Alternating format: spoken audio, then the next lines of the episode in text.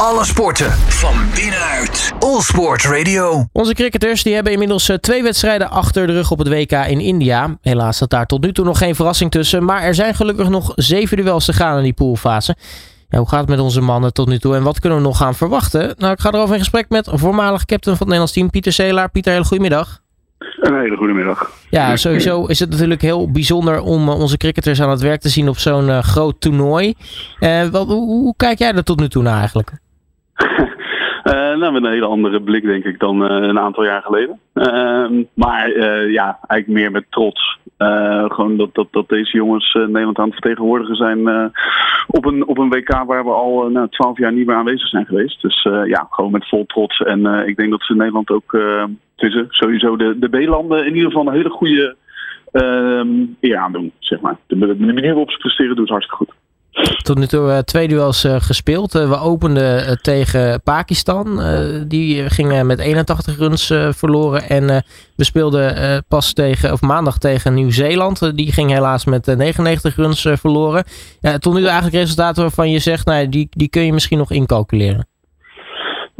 Nou ja, ik denk dat wij wel redelijke stap hebben gemaakt dat we de, de, de, de, de grote teams wel goed willen eh, tegenstand bieden. En ik denk dat we dat eh, zeker tot op z'n ehm, grote delen hebben kunnen doen. Ehm, maar eh, uiteindelijk zijn de, de twee teams helaas nog een maatje te groot gebleven, inderdaad. Nou ja, eh, nee, wat als je even de eerste twee wedstrijden erbij pakt, hè, wat, wat is jou daarin vooral opgevallen?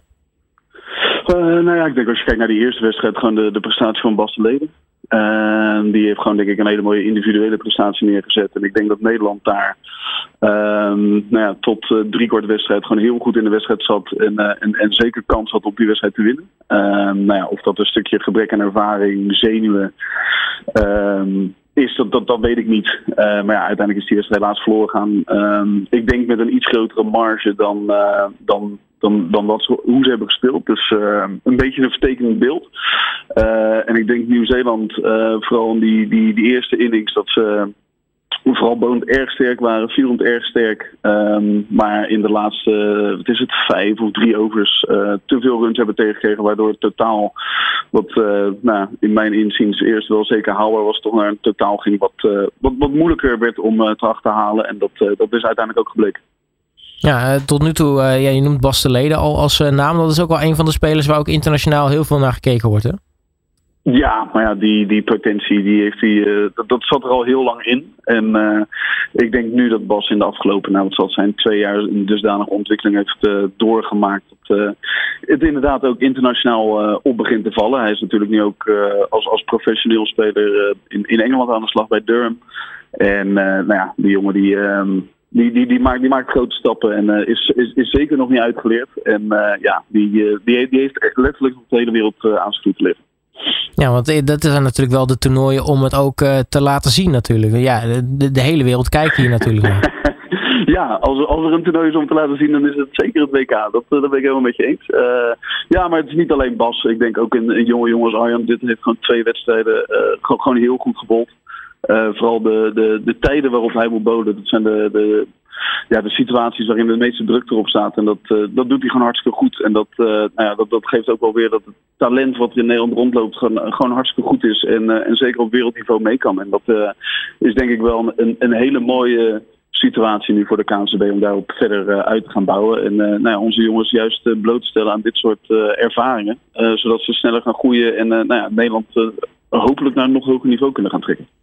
Sowieso uh, zijn het natuurlijk uh, bijzondere momenten daar in India. Want dat is een, ja. sowieso een land waar het, het, cricket natuurlijk ontzettend groot is. Waar die mensen uh, bijna zeg maar cricket als, als, als geloof hebben. Zo, zo, zo, het is bijna ja, religie. Bijna hoor. Dat is, dat, het, dat is een geloof daar. Het is, ja, het is, het is eigenlijk gewoon een religie daar. Um, ja, ja hoe, hoe, vet is het dan om in zo'n land zo'n WK te spelen? Als je dan toch ergens naartoe moet om, om zo'n WK te spelen.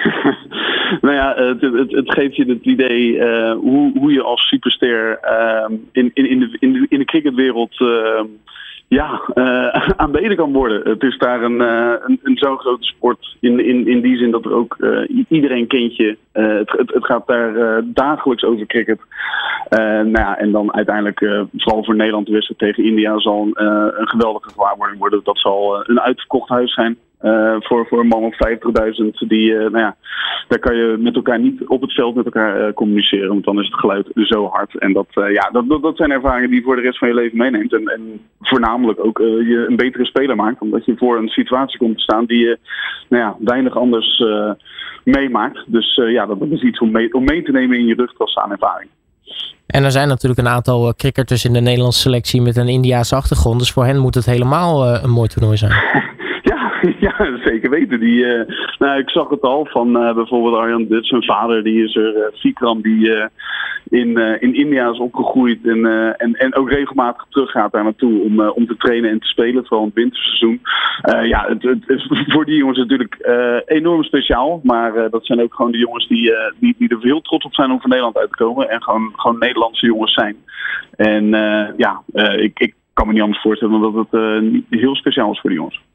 Nou, nu zijn er nog uh, zeven duels uh, te gaan. Uh, de eerste is dan pas aankomende 17 oktober tegen Zuid-Afrika. maar als kijken tegen de landen tegen wie nog gestreden moeten worden. De, de, wat zijn nou de, de wedstrijden waar je denkt van nou daar kan misschien wel een, een overwinningje in zitten?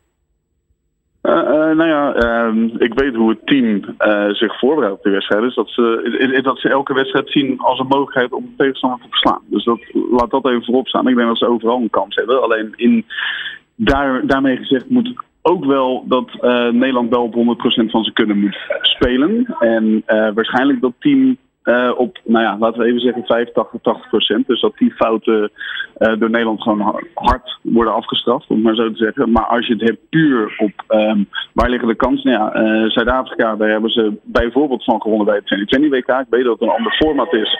Maar ja, daar, daar zit misschien nog wel een psychologisch spelletje wat je mee kan nemen.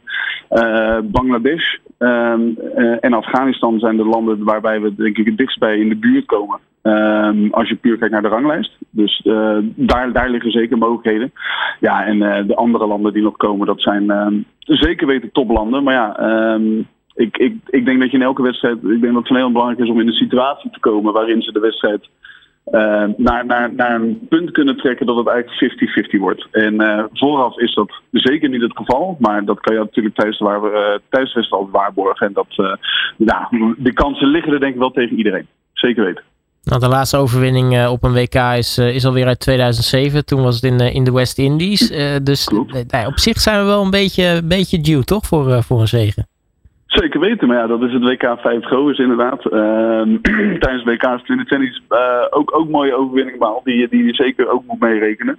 Ehm, maar inderdaad, in dit format is het, is het inderdaad wat langer geleden. En nou, wat ik al zei, ik denk dat het voor Nederland eerst belangrijk is om in die positie te komen om de wedstrijd te winnen. En dan is het het, volgende stukje is de wedstrijd ook daadwerkelijk af gaan maken.